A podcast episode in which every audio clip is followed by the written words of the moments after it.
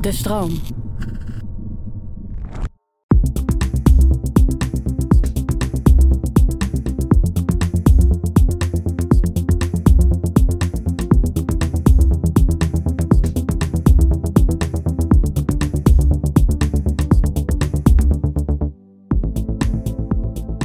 Fijn dat je luistert naar de Podcast Psycholoog. Een podcast waarin ik, Marissa van der Sluis, samen met andere psychologen in gesprek ga over belangrijke onderwerpen. Om zo met z'n allen onszelf en anderen beter te leren begrijpen. Hoe reageer jij als je ziet dat iemand op straat van zijn fiets valt? Leef je even mee en loop je dan snel weer verder? Voel je de pijn soms zelf bijna fysiek? Of schiet je linea recta te hulp? Wat je ook doet, je reactie zegt iets over jouw empathisch vermogen. Waarom empathie nou zo belangrijk is voor het voortbestaan van de mensheid, bespreken we in deze aflevering. Maar we leggen ook uit wat de keerzijde ervan is en hoe je empathie effectief kunt leren inzetten om anderen te helpen. En daar gaan we het over hebben met Peter Bos. Peter Bos is biopsycholoog en werkt als universitair hoofddocent bij het Instituut Pedagogische Wetenschappen van de Universiteit Leiden. In 2020 verscheen zijn boek Verbonden. Dat gaat over de biologie van relaties. Ja, Peter, welkom in de studio. Ja, dankjewel. Leuk hier te zijn. Ehm, ja, jij was volgens mij nou, nog geen dag twintig. En op een gegeven moment voelde jij je niet zo goed. Ja. En moest jij met uh, gierende banden naar het uh, ziekenhuis worden vervoerd. Ja, Waar, je er, ja, waar er een fo- röntgenfoto van je werd gemaakt. En eh, je daarachter kwam dat er een eh, tumor ter grootte van een grapefruit Ja. in je borst zat. Ja, die eh, hadden we gemist. Voor ja, die tijd. Ja. nou, inderdaad. Ja. Dus dat was nogal schrikken. Ehm, vervolgens, in die dagen daarna, kreeg jij een eh, spoedcursus je leven, Ja. zoals je het zelf schreef. ja. Want ja, die hele nasleep van eh, wat jullie toen ontdekten, dat heeft nogal wat inzichten bij jou eh, teweeggebracht, hè?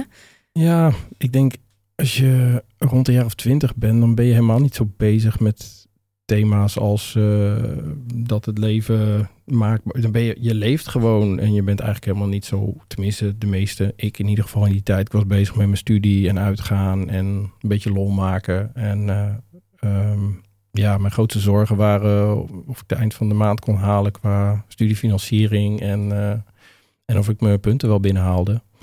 Maar als je dan zoiets meemaakt, dan eh, ja, plaatst dat alles even in perspectief. Ja, En eh, dus in dat opzicht een spoedcursus leven. Ik denk dat het onmiddellijk eh, de belangrijkste dingen in je leven eigenlijk naar voren brengt. Waar gaat het nou echt om? en welke inzichten, als het gaat over menselijke relaties, heb je daar toen opgedaan? Waardoor je ja, je zo ook in empathie bent gaan verdiepen. Ehm, ik, ik, ik denk dat het belangrijkste, sowieso het belang van de relaties. Dus dat, dat de dingen die je doet misschien niet zo veel uitmaken, maar vooral de manier met wie je het doet, hoe je het doet en op welke wijze. Ik denk dat dat uiteindelijk bepalender is dan het feitelijk waar je nou eigenlijk mee bezig bent. Dus eh, in al je, in je werkzaamheden, in je omgang gaat het vooral over hoe doe ik dat met andere mensen samen. Eh, dus ook de afhankelijkheid van anderen in dat opzicht. Eh, je wordt er in die leeftijd, ik bedoel, is natuurlijk een fase, vooral in richting vanaf je puberteit tot, dan gaat het om je losmaken, onafhankelijk zijn, eh, weg met die ouders. eh, je wil gewoon je eigen leven leiden, laat me met rust. Ehm, maar dat is natuurlijk, dat is hartstikke belangrijk, die fase. Maar het is ook wel mooi als je dan daarna er weer achter komt. Maar wacht even, ik heb al die, al die mensen wel nodig. En dat, en dat hoeven niet je ouders te zijn. Hè? Dat kan ook een verpleegster in het ziekenhuis zijn of, eh, of wie dan ook. Dus ehm, ja, dat, dat, dat wordt dan ineens zo duidelijk. En eh, ja, dat heb ik wel meegenomen, daarin Ja. het belang daarvan. En ook hoe bepaalde eh, kleine dingen daar enorm veel verschil kunnen maken. Bijvoorbeeld eh, ja, gewoon het gedrag van sommige verplegers of zo. Ja, daar, dat, dat is me beter bijgebleven dan, dan, dan bepaalde artsen bijvoorbeeld. Dat is toch gek. Want, Ja. Wat voor dingetjes dan? Nou, eh, dat je s'nachts in je eentje op, een, op zo'n ziekenhuiskamer ligt en eh, dat eh, iemand na de shift nog even langskomt om even een praatje te maken omdat je daar Mhm. ligt. Ja, terwijl dat niet hoeft in principe. Nee, dat hoeft natuurlijk niet. Maar dat zijn natuurlijk wel de dingen die, die, die je op zulke Ja. momenten er doorheen kunnen slepen. Dus, en dat zijn natuurlijk ook net de dingen die in zorg tegenwoordig een soort wegbezuinigd worden. Want het moet allemaal efficiënt en snel. En dan maak je eigenlijk het belangrijkste, een van de belangrijkste aspecten van, van zorg, namelijk het interpersoonlijke, Mhm. dat, dat wordt er eigenlijk een beetje uit wegbezuinigd. Ja. En dat is een enorm gemis. Dus ik denk dat ik ook in dat opzicht eh, het belang daarvan he- heb, heb ervaren. En ja, dus dat, dat neem je wel mee in je, in je werk daarna. En ook heb verder willen onderzoeken en ook heb willen aantonen aan anderen wat het belang daarvan is. Ja, En hoe dat ook in onze biologie opgeslagen ligt eigenlijk al. Ja. En daar gaan we het natuurlijk ook vandaag Ja. over hebben. Ja we zien onszelf natuurlijk als, eh, als rationele wezens die ons leven kunnen invullen. En, maar ja, we- zijn natuurlijk ook gewoon dieren die enorm afhankelijk zijn van, van, van hechting en, en andere processen. En van, bedoel, dus, dus dat vergeten we natuurlijk als we de hele dag, eh, zolang we nog de controle hebben voor ons gevoel, Ja. dan vergeten we dat soms. En zodra we even niet de controle hebben over het leven, dan wordt dat ineens Ja. eh, heel erg duidelijk. Dan Hè? wordt het heel duidelijk. Hoe erg ja. we elkaar nodig hebben. Ja. Ehm, ja, we gaan het hebben over eh, empathie. Waar hebben we het over als we praten over empathie? Een heel, een heel breed begrip. En wat, wat altijd goed helpt, is om het een beetje uit elkaar te trekken. Van welke aspecten van empathie zijn er. Dus het niet als één eh, ding te zien, maar meer als een, eh, een een soort geleidende schaal met verschillende aspecten. En dan heb je aan de ene kant hè, die meer emotionele kant van empathie, het meevoelen met anderen. Maar je hebt ook het hele cognitieve aspect. Dus het kunnen denken wat andere mensen denken. En dat is een heel ander proces. Mhm. Maar we noemen het alle, in het dagelijks leven noemen we het allemaal empathie. En dat is soms Ja. ook verwarrend. Ja, dus laten we beginnen dan bij dat eerste gedeelte. ja, hoe zeg je dat? Die eerste kant eigenlijk van eh, empathie. Mhm. Ja, ik, noem, ik heb het vaak over affectieve empathie. Ja. Ehm, dat is eigenlijk de emotionele kant van empathie. En dat is ook de, de, de meest primaire vorm van empathie eigenlijk die we delen met nou, praktisch alle andere zoogdieren. Iets wat de ratten en muizen ook net zo goed hebben. Mhm. Dat is namelijk het je, zonder dat je er moeite voor hoeft te doen, je invoelen in een ander. Daar kies je niet voor, dat gebeurt gewoon. Ja. Als jij eh, voor je iemand op straat tegen een lantaarnpaal aan ziet lopen, dan schrik je daarvan. En dat is eigenlijk gek, want je gebeurt toch niks. Ik bedoel, je hebt toch geen pijn of wat dan ook. En toch, je krijgt zelf een emotionele reactie. Ja. Nou, dat, is, dat is iets als, dat, dat is in feite empathie. Je voelt mee met die ander en daar kies je niet voor. Je kunt dat niet uitzetten. Dat, tenminste, dat kan wel, maar dat kost moeite. Ja. Automatisch zou je je inleven in die ander. ja, dat is iets aangeboren wat we in principe allemaal hebben Ja. in meer of mindere mate. In meer of mindere mate, natuurlijk. Je hebt altijd, eh je, dat is een spectrum. Hè? En, eh, en er zijn ook mensen die dat echt bewust aan moeten zetten. Denken mensen die richting psychopathie of zo. Dat is echt een Ja. aandoening waarbij je niet dat, daar gaat dat niet automatisch. Mhm. Maar daar moet je dat bewust doen. Ehm, maar, maar in principe, de meeste mensen hebben altijd wel een bepaalde mate van meeleven. En dat is ook die, dat het aangeboren is, zie je ook dat het bij eigenlijk bijna alle, sowieso alle zoogdieren is. Ehm, en, en dat het ook is, bij is jonge het kinderen. bekend? Dat is wel niet bekend dat dieren ook die vorm van empathie hebben. Ja, dus wel zeker. Ja, zeker. Ja. Maar dat komt ook omdat dat eigenlijk pas ehm, de afgelopen decennia voor het eerst daar onderzoek naar gedaan is. Hè. Voor die tijd, dieren werden natuurlijk heel lang gezien als een soort apparaten.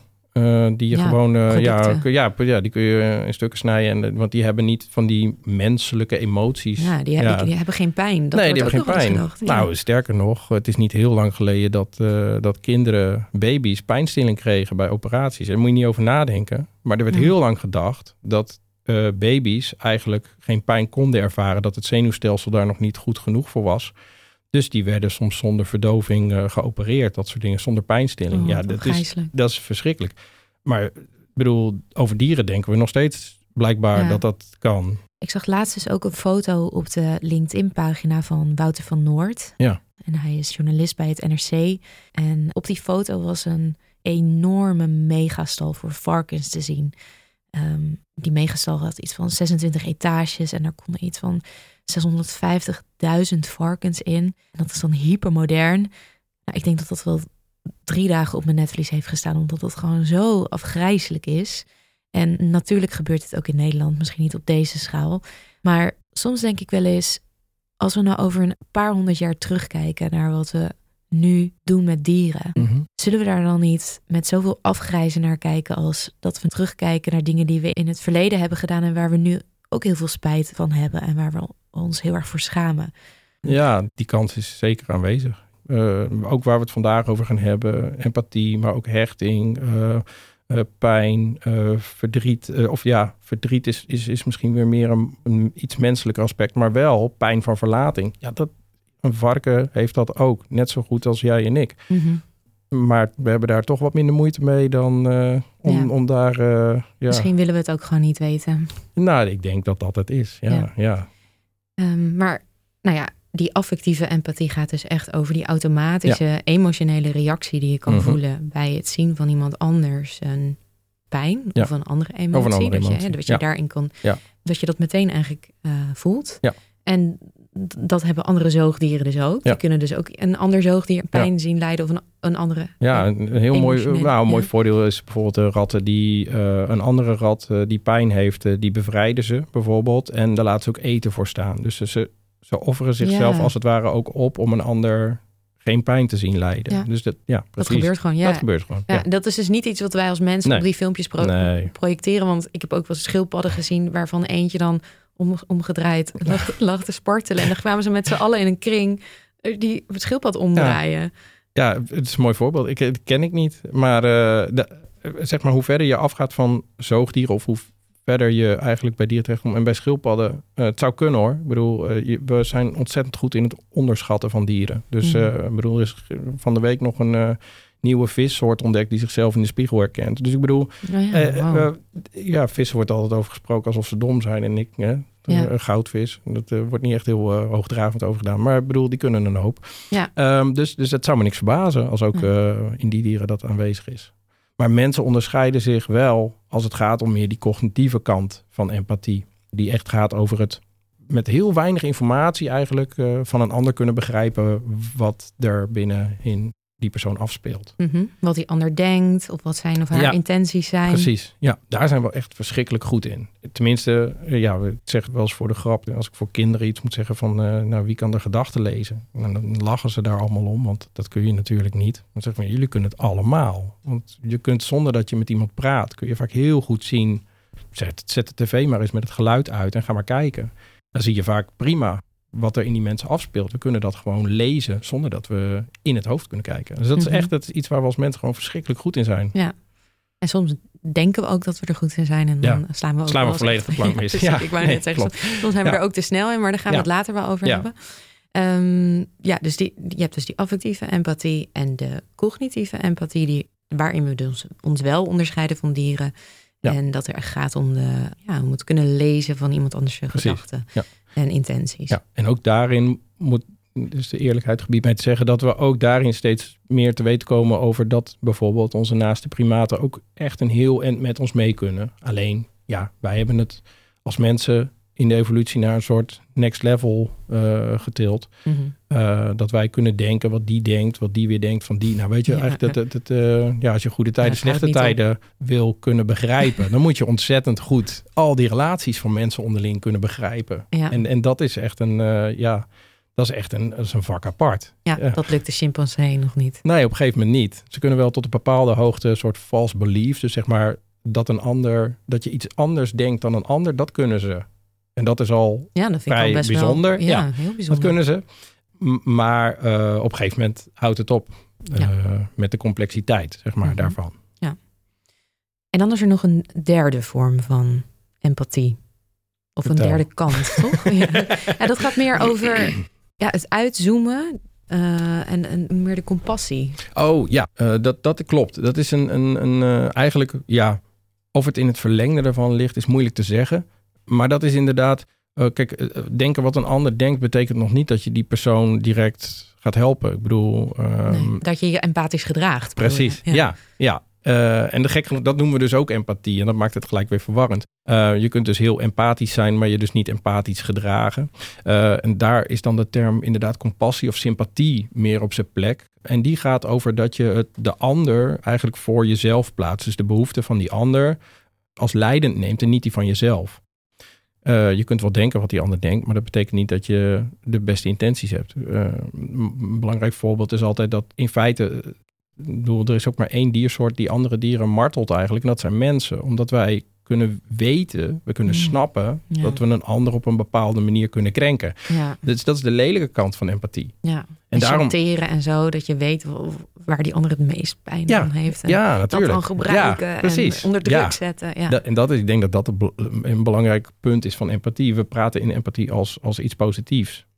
Maar dat hoeft natuurlijk helemaal niet. Empathie is in feite iets neutraals. Empathie is gewoon iets wat we kunnen, dat Ja. we doen. En een dat kun je voor- verschuiving maken van perspectief. Je Ja. inleven in Ja. de ander. Precies. Maar daar doe je nog niet per se iets goeds mee. Nee, je daar kun je mee doen wat je wil. Ja. Eh, en dat, dat is natuurlijk ook gebeurd. We kunnen het ook uitzetten naar believen, weet je wel. Eh, dat zie je met, nou ja, denk even aan, eh, aan, aan als er erge, erge situaties in de wereld zich voordoen. Ehm, hoe snel er veranderingen kunnen plaatsvinden in. Hè, je, je kunt je heel snel meeleven met mensen in een noodgebied of in een rampgebied. Maar het kan ook zo weer voorbij zijn. Dus het is heel vluchtig ja, allemaal. als er iets in je eigen leven gebeurt, Ja. dan ja. Ja, stap je ochtends met je schone sokken in, in een plasje water en dan vind je dat weer erger. Ja, zo, zo, weet je, zo, Ja. zo treurig is het. Maar ook Dus heel zo mooi. simpel Dus zijn we dan ook wel Ja, weer. zo zijn we dan ook alweer. Ja. Dus het is niet... eh, en daarvoor, dat, daarom is dat, die, die compassie of sympathie zo belangrijk. Ja. Dan gaat het over het juiste doen. En om het juiste te doen, hoe kun je die ander helpen? Ja, daar moet je je voor verplaatsen in die ander. Ja. En moet je ook nog eens even checken of dat dan wel klopt. Want heel vaak denken we dat we heel goed weten wat een ander nodig heeft. Maar Ja, Ja. dan gaan we daarop handelen. Gaan we en daarop dan handelen. gaan we helemaal de verkeerde route Ja, eh, absoluut. op. Ja, ja, ja. In. ja en ja, hoe komt het eigenlijk dat dat empathische vermogen van de mensheid ooit is ontstaan? Wat is daar de functie precies van? Nou, ik denk dat dat, eh, als je kijkt naar waar wij als mensen vandaan komen, dan zijn we groepsdieren. We hebben altijd in groepsverband geleefd. Ehm, en Moest ook wel natuurlijk. Moest ook wel. Niet overleven. precies. Dus het is. En, en binnen die groepen ben je ook van elkaar afhankelijk. We zijn nou eenmaal niet een ijsbeer die in zijn eentje. dat er- We redden het niet alleen. En dat geldt wel voor meer dieren. Maar bij mensen is er ook nog iets bijgekomen. Wat wij doen is dat wij gezamenlijk zorg dragen voor nageslacht. Want op het moment dat jij het allerbelangrijkste bezit wat je hebt, en dat is je nageslacht, voor biologisch gezien, eh, en ik hoop psychologisch gezien ook voor de meesten, maar je, daar kan ik geen uitspraak over doen, is dat je ontzettend goed moet kunnen afstemmen met anderen. Je moet die ander vertrouwen. eh, daarvoor moet je begrijpen wat er dan. Nou, het, vereist een hele hoop. Ja, Eh, alleen al het feit dat je een ander individu die niet jouw biologisch naast is, kunt vertrouwen, dat vraagt al een hele hoop denkcapaciteit. ja. Dus je moet iemand anders kunnen inschatten eh, Ja. of iemand te vertrouwen is. Precies. Of iemand jou, de zorg voor, voor je kind aan Ja. kan. En je moet kunnen overleggen, afstemmen. Ja, ja. Eh, en voor die kinderen geldt dat ook. Want die kinderen moeten ook weten bij wie kan ik terecht. Dus het vraagt, dat delen van die zorg vraagt heel veel afstemming en heel veel denkvermogen uiteindelijk. Dus daarom zijn we een soort ja, goede tijden, slechte tijden primaten geworden. Ja, daar komt het een beetje op wel. neer. Ja. En wat gebeurt er in ons hoofd op het moment dat we empathie voelen voor iemand anders? Eh, wat, en in ons lichaam? Ja, mm, dat is wel mooi aan, aan hoe het eh, brein eh, werkt. Is dat het best wel goed in staat is om een soort te kunnen spiegelen wat er in een ander gebeurt.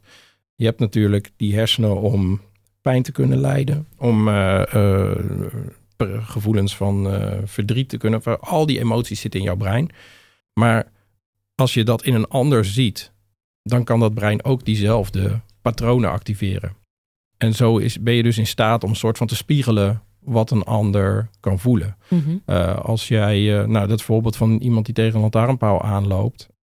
Als we in de her- je hersenen zouden kunnen kijken op het moment dat je dat ziet, dan zie je dat voor een deels ook vergelijkbare gebieden geactiveerd worden. Mhm, Bij ja. jou als bij de persoon die daadwerkelijk pijn ervaart. Ja, mijn pijngebieden worden ook geactiveerd. En eh, nooit helemaal op precies dezelfde manier. Want je bent prima in staat om het uit elkaar te houden. Tenminste, de meeste mensen. Hè. Ja. Soms is het nog best lastig om het onderscheid te maken tussen jouw pijn en mijn pijn. Mhm. Maar eh, nee, dat, dat klopt. En eh, bijvoorbeeld een ander mooi voorbeeld is wat ook een hele sterke emotie is, die je heel snel overneemt, is walging. Ja, Ja. eh, zie maar iemand, iemand die overgeeft of zo. Heel veel mensen kunnen dat niet aanzien, want dan gaan ze mee. Ja, dat heeft dat natuurlijk ook een functie. Dat heeft een functie. Ja, dat is een hele belangrijke functie. Daar leer je van. dat jij niet hetzelfde gaat eten als die persoon. Of niet dezelfde handelingen uitvoert. Nou, en er zijn bepaalde... Een hersengebied als de insula is, is ontzettend belangrijk voor de, voor, voor de emotie walging. Nou, als jij iemand ziet die alleen al een gezicht trekt alsof ze iets walgelijk vinden, dan wordt die insula al heel erg actief. Want Ja. dat is evolutionair gezien zo'n belangrijke. Ja, het kan het verschil zijn tussen leven of dood. ja, dat Dus je dat- niet eh, een ziekmaker binnenkrijgt. Of, eh, Ja, laat dat stukje vlees maar even liggen, weet je wel. Ja. Dus dat is zo belangrijk. Dat, dat zit er echt inge, ingebakken als het ware. ja. En dus die affectieve empathie die zit echt ingebouwd in ons. Maar die cognitieve empathie moet zich ook gedurende ons leven, van baby tot nu, ontwikkelen. Absoluut. Uh, en er ja. zijn bepaalde dingen voor nodig. Ja. Wat is er voor nodig om die cognitieve empathie goed te ontwikkelen? Zodat we goed zijn in het lezen van anderen en het toekennen van een bepaalde staat van iemand Ja. anders. Of snappen dat iemand iets anders kan denken dan Ja. wat je zelf denkt. Nou, eh, dat is denk ik vrij makkelijk, want het is gewoon ervaring. Eh, in die sociale wereld je kunnen omgeven. Eh, je kunt het denk ik vergelijken met de taalontwikkeling. In principe hebben we daar enorme aanleg voor. Maar er is wel een kritieke fase. Als jij, nou ja, daar zijn natuurlijk hele tragische voorbeelden van. Kinderen die op jonge leeftijd lang eh, sociaal geïsoleerd zijn geweest. Ja, die hebben echt een beperking op het gebied van die empathische processen. Maar als, als jij genoeg eh, blootgesteld wordt aan, aan eh, weet je, in een, denk aan een kle- kleuterklas en met je ouders in een gezinsomgeving, al die sociale omgevingen waarin je kunt oefenen met het checken van, hé, hey, wat ik denk, denk jij. En, en ja, wat er ook eh, moet ontwikkelen is een soort van eh, verschil tussen een zelfbeeld, een, het verschil tussen een jou en een mij. Ik bedoel, Ja. dat is ook al iets wat, wat een vrij primair proces is, maar dan Mhm. een kind zich realiseert op een gegeven moment van, oh, wacht even, dat zie je, kijk, hele kleine kinderen, die, die hebben dat onderscheid niet. Dus alles is een soort één grote wereld. Alles is een ik. Alles zit in hun, hun ervaring. Heb je daar een voorbeeld van? ja, ik bedoel, dat, ik denk dat dat bij, bij eh, eh, kleine echt peuters of dreumissen... die begrijpen in feite niet dat een ander iets anders denkt dan zij. Ja. Eh, tenminste, dat vinden ze heel moeilijk om te snappen. Als je daar van die experimentjes mee doet... met dat je iets verplaatst zonder dat zij het kunnen weten... Ja, dat, dat zegt ze niks. Maar wat zij ervaren, dat is de wereld. de werkelijkheid. Dat is ja. de werkelijkheid, Ja. dat is de wereld. Daarom kun je zo leuk kiekeboe met ze spelen en allemaal dat soort spelletjes doen, waarbij je alles is nieuw, alles is een verrassing. Ehm, maar op een gegeven moment komt een kind erachter, maar wacht even, het, andere mensen denken dus niet, voelen dus niet hetzelfde als ik. Ja, wat een mokerslag. Ja, dat is een mokerslag. Ja, dat is hartstikke heftig. En nou, dat is wel grappig, want er zijn best wel veel ehm, voorbeelden. Sommige mensen hebben daar ook hele, hele heldere herinneringen aan. Ik zelf niet hoor, maar ik, ik, ik heb wel eens met mensen gesproken die dan dat moment, dat besef, dat dat puzzelstukje Oh ja? valt van ik ben dus een ik. Ik, ik ben een... Ik dat ben niet echt- het middelpunt Nee. van de wereld. Ja, ja, inderdaad. Maar, ik, zeg- maar het is ook een soort heel, heel ja, ineens wordt, verplaatst dat de hele wereld ja. in een ander, ander perspectief ik- natuurlijk. Ja, ik kan me zo goed voorstellen dat dat, dat heel je- heftig is. Ja, maar jij kan het je ook niet herinneren dus. nee, ik kan me die shift niet meer herinneren. Nee, ik kan ik me nog wel niet. herinneren dat mijn ouders vertelden dat Sinterklaas niet bestaat. Ja, dat is ook heftig. Dat is ook heftig. Ja, ik denk dat die iets daarna komt. Ja, toen was ik wel boos. Ja, Ja, maar Ja. ik kon me meer andere dingen allemaal niet voorstellen. Dat ze Nee. hadden, tegen me hadden gelogen. En- ja. ja, dat is ook wat dat we dat collectief doen. Hè? ja, Onze kinderen voor de gek houden. Ja, Ja. ja. ik weet dat ik dat nog heftig vond. ja. dat is een harde Ehm, les. Ja, dus het gaat ook om veel oefenen. En daarvoor heb je je ouders nodig, maar ook, eh, nou ja, Ja, broertjes, zusjes. broertjes, zusjes, de ja, rest van school, de samenleving. ja, Ja, de ja. wereld. En is spel daar ook niet heel belangrijk bij? Want je hoort ook wel eens dat kinderen die niet kunnen spelen en meteen heel snel volwassen moeten worden, ehm, ook moeite hebben met, met hun empathie. Omdat het, het is zo belangrijk om die fase te hebben waarin je kan, de, veel dingen alsof kan doen. Absoluut. Ik denk dat dat eh, zwaar onderschat wordt wat het belang daarvan is. Want daar leer je eigenlijk de belangrijkste dingen, namelijk de sociale regels. Ehm en denk bijvoorbeeld, je kunt het vergelijken met eh, als je met een puppy eh, of met een hondje moet trainen, weet je wel, die bijten dan. En dan bijten ze, maar ze bijten niet door. En soms bijten ze te hard. En dan moet je ze corrigeren, want ze Ja. mogen niet doorbijten. Maar dat is in feite wat, waar, de, waar de kleuterklas voor bedoeld is. Ik bedoel, Ja. dat je leert andermans... Dat gaat over grenzen. Dat gaat, dat gaat over die... Een ander vindt niet hetzelfde leuk als ik. Eh, ruzie maken is verschrikkelijk belangrijk. Weet je, want daarin leer je sociale regels. Waar, waar stopt mijn invloed? Waar, waar geldt... Nou, waar wordt die ander belangrijk? Ook om je weer even uit dat soort ego-bolletje te halen... als klein kind van Ja. de, de hele wereld ben ik. Eh, dat, dat, ja, hoe verhoud je je tot die buitenwereld? Dat is zo belangrijk. Dus op het Mhm. moment ja, dat je daar minder gelegenheid voor hebt, is dat je moet gewoon vlieguren maken. Je moet daar gewoon kunnen oefenen. Je Mhm. moet op je bek kunnen gaan in een, in een veilige omgeving. Dat is het belangrijkste. Maar dat is natuurlijk ook, ja, je, Precies, je af en toe moet dat kunnen maken. en, ja, eh, tuurlijk. Dan ja. snap je daarna weer beter eigenlijk. Ja, dat- meer ja. begrip van de sociale wereld. Zonder fouten leer je niet. Eh, dus ja, die ruimte moet er ook zijn. Mhm. Eh, en dat is, dat is natuurlijk wel, nou ja, dat is iets voor onderwijskundigen om zich tegenaan te bemoeien. Maar ja, je kunt je wel afvragen in, in hoeverre die enorme nadruk op het cognitieve aspect van leren van school. Eh, ja. Eigenlijk misschien niet te ver doorgeschoten is. Ja, hele mensen die cognitief heel vaardig zijn, maar de basale sociale vaardigheden. Nou, ik weet wel wie ik liever als collega wil. Ja. Ik weet niet hoeveel het met jou zit, maar. Nou, ik, ik ook. Ja, Ja. nee, maar ik ben Ja. ook echt tegen die hele prestatiecultuur Ja. eh, op scholen. En steeds jonger toetsen. Ja. Maar wat toetsen we dan Ja, precies? wat doet je? Ja. Ja. Ja, het wordt ook steeds onbetrouwbaarder naarmate je jongere kinderen hebt. Dus Ja. nou ja, goed, daar is eh Andere discussie. andere discussie. ja, andere expert, denk ik. Ehm, we hadden het er net al even over dat empathie helemaal niet per se positief hoeft te zijn. Nee. In elke context. maar er zijn genoeg contexten waarin het volle, absoluut contraproductief is. Ja, Eh, want je noemde net natuurlijk al eh, ja, martelen. ja, het is niet een leuk, hè? Zullen we een leuke doen? Ja. Ik heb geen zin om het woord martelen te zeggen. Maar, nee. ja, dus dat, dat weten we nu. Ja. Wat, wat zijn nog meer keerzijdes van eh, Nou, de- vooral affectieve empathie kan soms dat die compassie en dat, dat helpgedrag heel erg in de weg zitten. En want affectieve empathie, eh, het meevoelen met de ander, legt de nadruk heel erg op de emotie van, van jezelf. Eh, jij voelt van alles. Maar dat maakt dat om compassie te tonen, kan dat soms in de weg zitten. Je kan Ja. in beslag genomen worden door je eigen emoties. Stel je voor dat jij eh, geholpen moet worden door een arts die enorm veel empathie heeft met jouw situatie. Mhm. Daar zit je niet op te wachten op dat moment. Nee, Je wil wel dat iemand empathisch is, maar je wil niet Dat dat, hij helemaal meegaat met jouw emotie. Nee. Nee. want dan kan hij jou niet meer helpen. nee. Dan wordt Eh, hij zelf ook stuurloos. Want dan word je overspoeld door je emoties. Ja. En kan je niet meer... Precies. Nou, de- Ja, of eh, een, een, een, de- een voorbeeld wat ik zelf een paar keer heb meegemaakt is, eh, denk je, als je eh, je vrouw aan het bevallen is en dan heb je, ja, en je staat ernaast, dan moet je helpen. Ja, Ja, dan heeft het geen zin om flauw te vallen of dat soort dingen te doen. nee, of in paniek te raken. Maar ja, nou ja, de, precies. Maar het zit, zit, het zit hulpgedrag in de weg. ja, nee, het is niet is- afgestemd op die ander. als je uitzoomt is het niet altijd het Nee. meest nuttige wat je kan doen. Nee, Nou ja, kreeg vaak de vraag toen ik nog therapeut was van... maar neem je dan al die dingen niet mee naar huis? Of hoe, hoe Mhm. ga je daar dan mee om? En dan voelde ik me altijd een beetje zo a-empathisch. want Nou, omdat ik dat gewoon niet mee naar huis nam. Nee. Ik, ik kon het, ja. Ja. ik nam die emoties niet over. nee. nou gelukkig toch? Ja, maar Ja. Dat, dat moet ook wel Ja. om iemand te kunnen helpen. Je kan niet alles overnemen van de persoon die tegenover je zit. Je voelt wel ehm, Nou ja, misschien compassie. compassie, ja. Ja. maar Maar je neemt de emoties niet over. Nee, en dat is ik, juist. Daarom moet je denk ik ook af van het idee dat een psycholoog of een hulpverlener dat die empathisch aan zich moet zijn. Nee, je, hoeft, je moet niet empathisch, je moet het kunnen, Mhm. maar je moet het vooral nuttig kunnen inzetten op het moment dat het nodig is. Ja. Eh, je moet er flexibel mee zijn. Je moet het kunnen hanteren als een soort middel en niet eh, als een automatisme.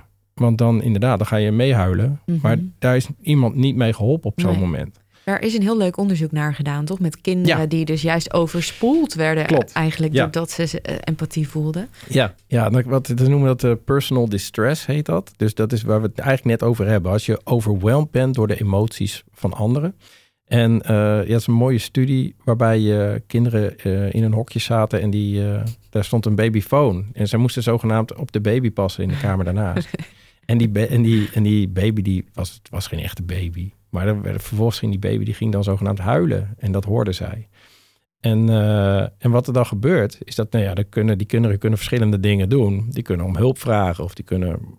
Maar wat gebeurde er is dat juist de kinderen die sterke stress ervaarden, die zetten gewoon de babyfoon uit.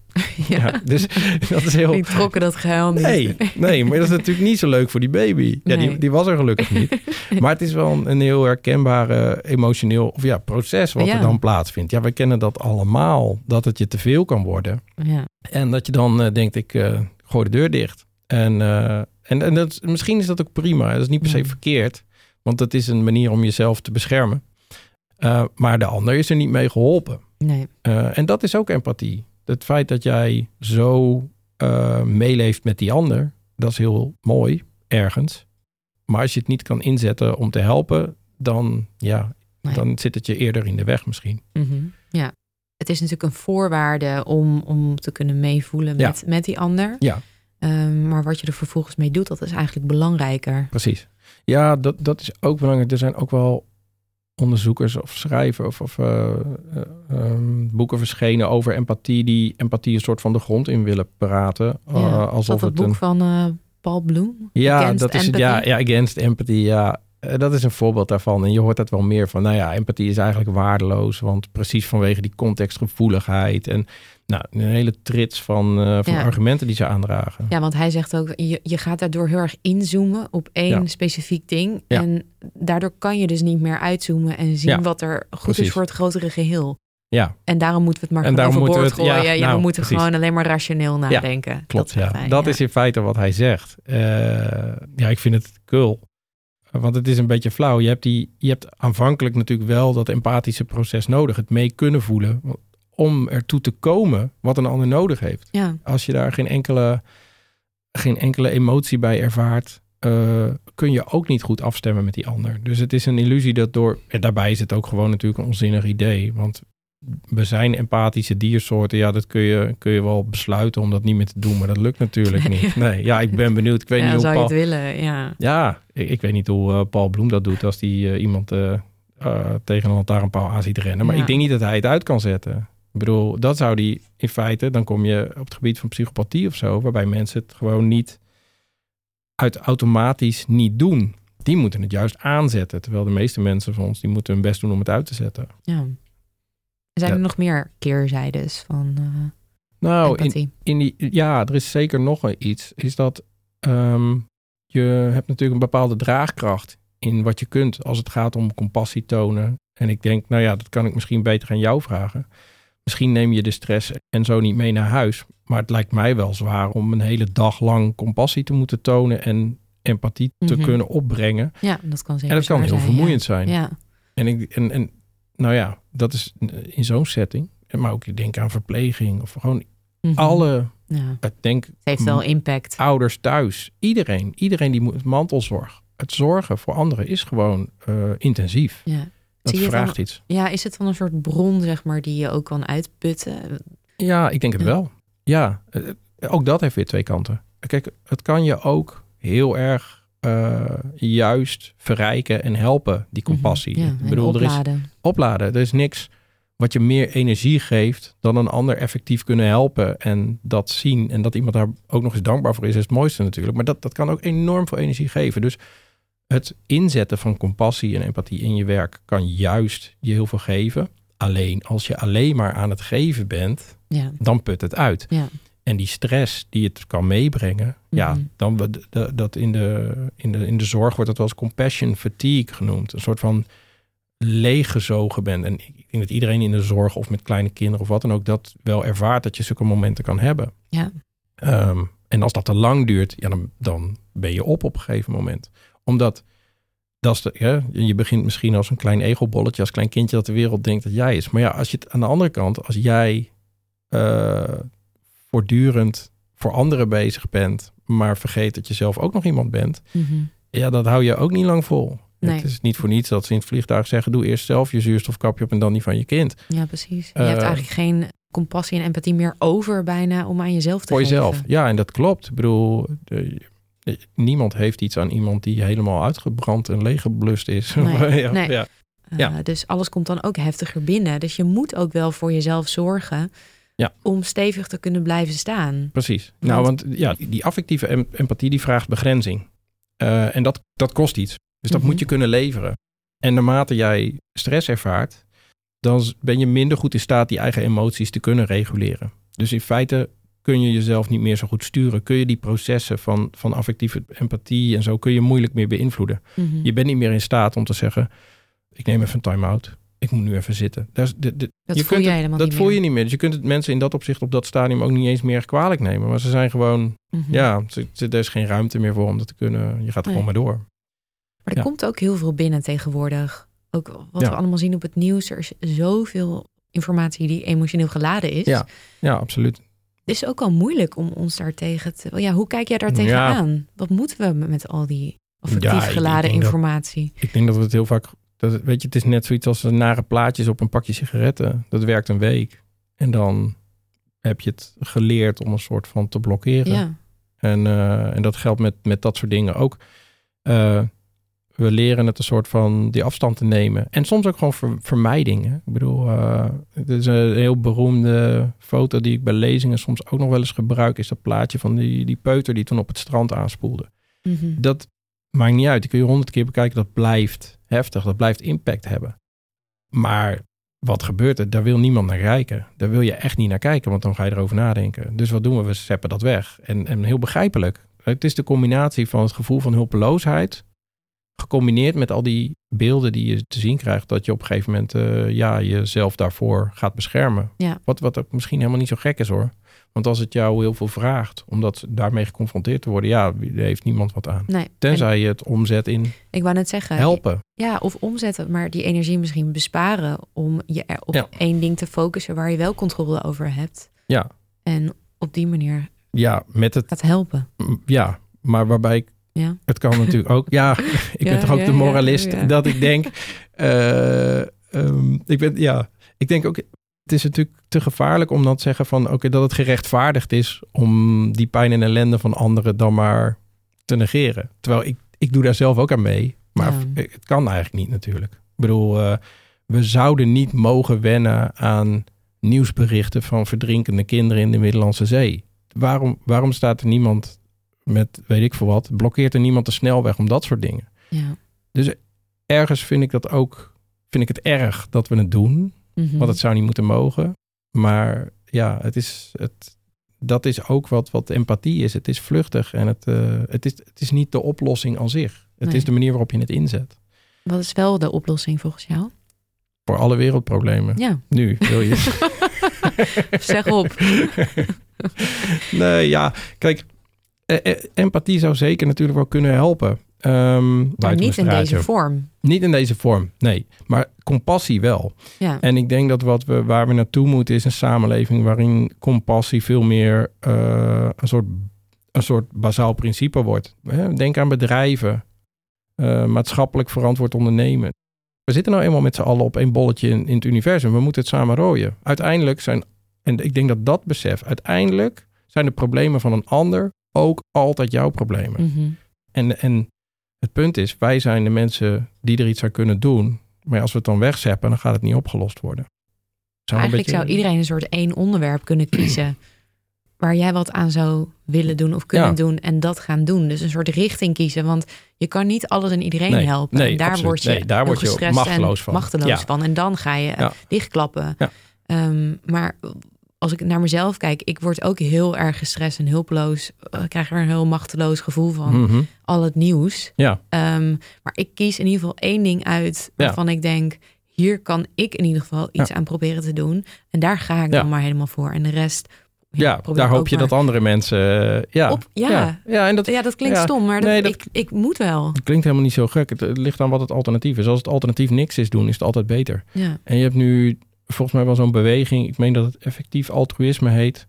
Eh, dat is een soort beweging van eh, waarin je inderdaad precies op die manier probeert te kijken van oké, laten we gewoon kijken of we praktisch problemen echt op kunnen lossen en dat ook goed. Nou, en ik denk dat dat een, een hele mooie ontwikkeling is dat dat soort initiatieven ontstaan Ja. en dat, eh, dat mensen bereid zijn daar. Want kijk, uiteindelijk je wordt het gelukkigst van het sociale. Dus van het helpen van anderen is Mhm. uiteindelijk wat het meeste geluk bij mensen. En dat ik bedoel, dat heeft, dat is ook gewoon onderzocht. Dat is niks, Ja. geen, eh, geen eh, soort van eh, verkooppraatje. Dat is gewoon waar mensen blij van worden. ja, Van iets nuttigs doen, van bijdragen en, en ge- Ja, gewaardeerd zingeving. worden. Zingeving. daar worden we Ja, gelukkig van. Maar dat vergeten we zo vaak. dat vergeten we. Ja, omdat er een hele wereld om ons heen gebouwd is. Eh, die ons leven inkruipt met via onze telefoons. Die ons wijs probeert te maken dat je veel gelukkiger wordt van eh, nieuwe spullen kopen of weet ik veel wat. Dus dat- dat is iets waar we Status. status, noem maar op. Ja, allerlei dingen die uiteindelijk niet bijdragen aan langdurig geluk. Ehm, we hebben het nu even geanalyseerd. hoe, Een beetje hoe- afgedreven. Hoe, ja. empathie, ja, maar Ja. hoe empathie er wel uit zou kunnen zien. ehm, zodat het wat effectiever kan worden ingezet. Ja. En als we dan weer eventjes eh, het kleiner maken en het meer binnen de huiskamers Mhm. bekijken, dan eh, is een van de dingen die empathie vaak ook blokkeert, is stress. Ja, klopt. Zeker in Eh. eh, relaties waar het moeilijk loopt of dat soort dingen. Ja, maar dat, Ja. dat is best wel. eh, dat is niet zo leuk nieuws eigenlijk, want we zijn eigenlijk voortdurend gestrest met z'n allen. Ja, eh, nee, ja, klopt. Ehm, dat is een mooi begrip, eh, co-regulatie, wat, wat gaat over dat je... Kijk, je kunt je eigen stress reguleren. Ik bedoel, ik kan als ik gestrest ben even op een stoel gaan zitten en ademhalingsoefeningen doen. Dat is hartstikke fijn. Helpt maar dat jou? lukt niet altijd. Ja, ik denk dat het wel helpt. Maar het hele punt is, op het moment dat je daar komt, dan lukt dat vaak niet meer. Dan heb je niet meer die ruimte. Wat je dan nodig hebt, is dat iemand anders even die buffer is. Ja. Ehm, als bijvoorbeeld, als ik, ik bedoel, ik ken dat in de zorg met kinderen, dat is heel stressvol soms. Ja, dan heb je soms nodig dat een partner even zegt, laat mij maar even, of kom maar even hier met dat kind, of andersom. Dat je weet dat je, dus de- dat je flexibel bent daarin. En dat Ja. doen we, dus co-reguleren, dat je niet in je eentje Mhm. alle stress hoeft te ondervangen, maar dat je als systeem, Ja. eh, als groep, stress kan ondervangen. dat is die onderlinge afhankelijkheid waar Ja. je het in het begin over had. Waar je al vroeg achter kwam dat het zo belangrijk is. Ja. Ehm, dus je moet dat ook niet in je eentje proberen te doen. De kunst is om de mensen om je heen te verzamelen waarvan je weet dat ze jouw buffer kunnen zijn op het moment dat je ze nodig hebt. Want dat is wat er gebeurt op het moment van die stress. Ja, je, je bent dan niet meer in staat om, eh, om je in te houden of om je in te leven in die ander. Of eh, dat zijn de eerste dingen eigenlijk die wegvallen. Mhm. Eh, Dat, dat, het wordt letterlijk uitgeschakeld in dat het wordt, brein. ja, dat wordt uitgeschakeld. Wat overblijft is de affectieve empathie. Het, het ellendig voelen. En, en dan ook nog eens, je, weet je, je kunt met, met kinderen, zie je dat soms. Van, eh, ja, je- zelfs in het openbaar, soms zie je zo'n dynamiek wel gebeuren van een, een kind wat gestrest raakt. De ouder die het niet eff- efficiënt kan oplossen. En vervolgens, ik hoorde laatst nog een moeder die schreeuwde naar de kind, doe even rustig. Dan denk ik, Ah, dat is wel een mooi voorbeeld, weet je Ja. wel. Van, van, dit is, is, je, je ziet dat je komt samen in een soort van lokaal minimum terecht... waarin je niet meer uitkomt. Je hebt niet meer de buffers om Nee. de ander omhoog om, ja, daaruit te kunnen halen. En hoe zou je de kans nou kunnen verkleinen dat je met z'n tweeën in die put belandt en dat je elkaar daar niet meer uit zou kunnen trekken? Ja, dat is... ehm, op het moment dat je in die put zit, is het heel lastig. Ja. Eh, maar ik denk dat het begint met een stuk erkenning... van wat je als individu dus blijkbaar nodig hebt... en waar je, en waar je grenzen liggen. En ik denk dat het heel belangrijk is... is als we het hebben over cognitieve empathie... we kunnen wel denken wat die ander denkt... Mhm. Maar we hebben ook de verplichting om dan te checken bij die ander of dat klopt. En ik denk dat dat gesprek daar heel erg nodig voor is als het Ja. in een relatie is. Maar dat hoeft Mhm. natuurlijk niet per se. Dat kan ook, eh, weet ik veel wat, in een ander systeem zijn. Eh, om dat gesprek te voeren. En daar echt aandacht en, en ruimte voor te hebben. Op een moment dat het niet stressvol is natuurlijk. Ja. Want ja, als het goed gaat, gaat het goed. En dan zijn we geneigd om het er niet over te hebben. Maar op het moment dat het eh, te veel wordt, dan eh, ja, is het te laat eigenlijk. Ja. Mhm. Doet me ook denken aan een eh, podcast-aflevering die ik hoorde waarin Elke Wis werd geïnterviewd. Zij is praktisch filosoof Mhm. en schrijfster van het boek Socrates op sneakers. Oh ja. Ehm, en zij schrijft veel over gesprekken die we Ja. met elkaar voeren. En Mhm. zij zegt ook eh, dat als jij wordt aangevallen op je eigen overtuiging, Mhm. dat dat hetzelfde voelt als een klap in je gezicht. Dus wat je dan gaat doen, je voelt eigenlijk die pijn en je Ja. gaat meteen in de verdediging. Ja. En ja, je empathie wordt daardoor ook, Ja. hè, dit zeg ik er zelf even bij, dat zij niet, maar dat wordt op dat moment ook even uitgeschakeld. En Ja. Je, je stopt vaak met vragen stellen of nog geïnteresseerd zijn in het punt van de ander. Je gaat vooral je eigen punt verdedigen. Ja. En wat zij ook zegt, dat helpt dan om alles even te vertragen. Om ook je eigen denken even te vertragen. Maar ook letterlijk even een pauze in te bouwen. Dat als je dat voelt en je wacht 20 seconden. Ja. Dan zeg je vaak heel andere dingen dan die je Als je meteen direct had. reageert. Ja, als Ja, je direct ja, reageert. Ja. En, en dit is weer iets wat ik vanuit eh, mentalization-based eh, therapy zou meenemen. Mhm. Ehm, dat gaat men- mentaliseren, dat is vaak zo'n woord in de Ja, therapie wordt gebruikt. Oh ja. wat, dat wordt gebruikt voor cognitieve Ja, Empathie. Ja. En ehm, er zijn natuurlijk mensen die dat heel moeilijk vinden, het heel moeilijk vinden om te mentaliseren. En Mhm. binnen die therapie proberen ze ook de niet wetende houding aan te leren. Oh ja. Dus die niet wetende houding is, ik weet niet wat er in jou omgaat. Nee. En die basishouding zou je eigenlijk moeten hebben. En die, nou ja, heb ik mezelf ook aangeleerd tijdens mijn tijd als therapeut. En die heb ik nog steeds van, Oh ja. ik weet niet hoe dat voor jou Nee. is. Oh, jij zegt dat, dat je je somber voelt. Wat betekent dat voor Ja. jou? En soms merk je ook dat mensen dat ongemakkelijk vinden Ja. omdat je heel veel vraagt over een heel klein gebiedje.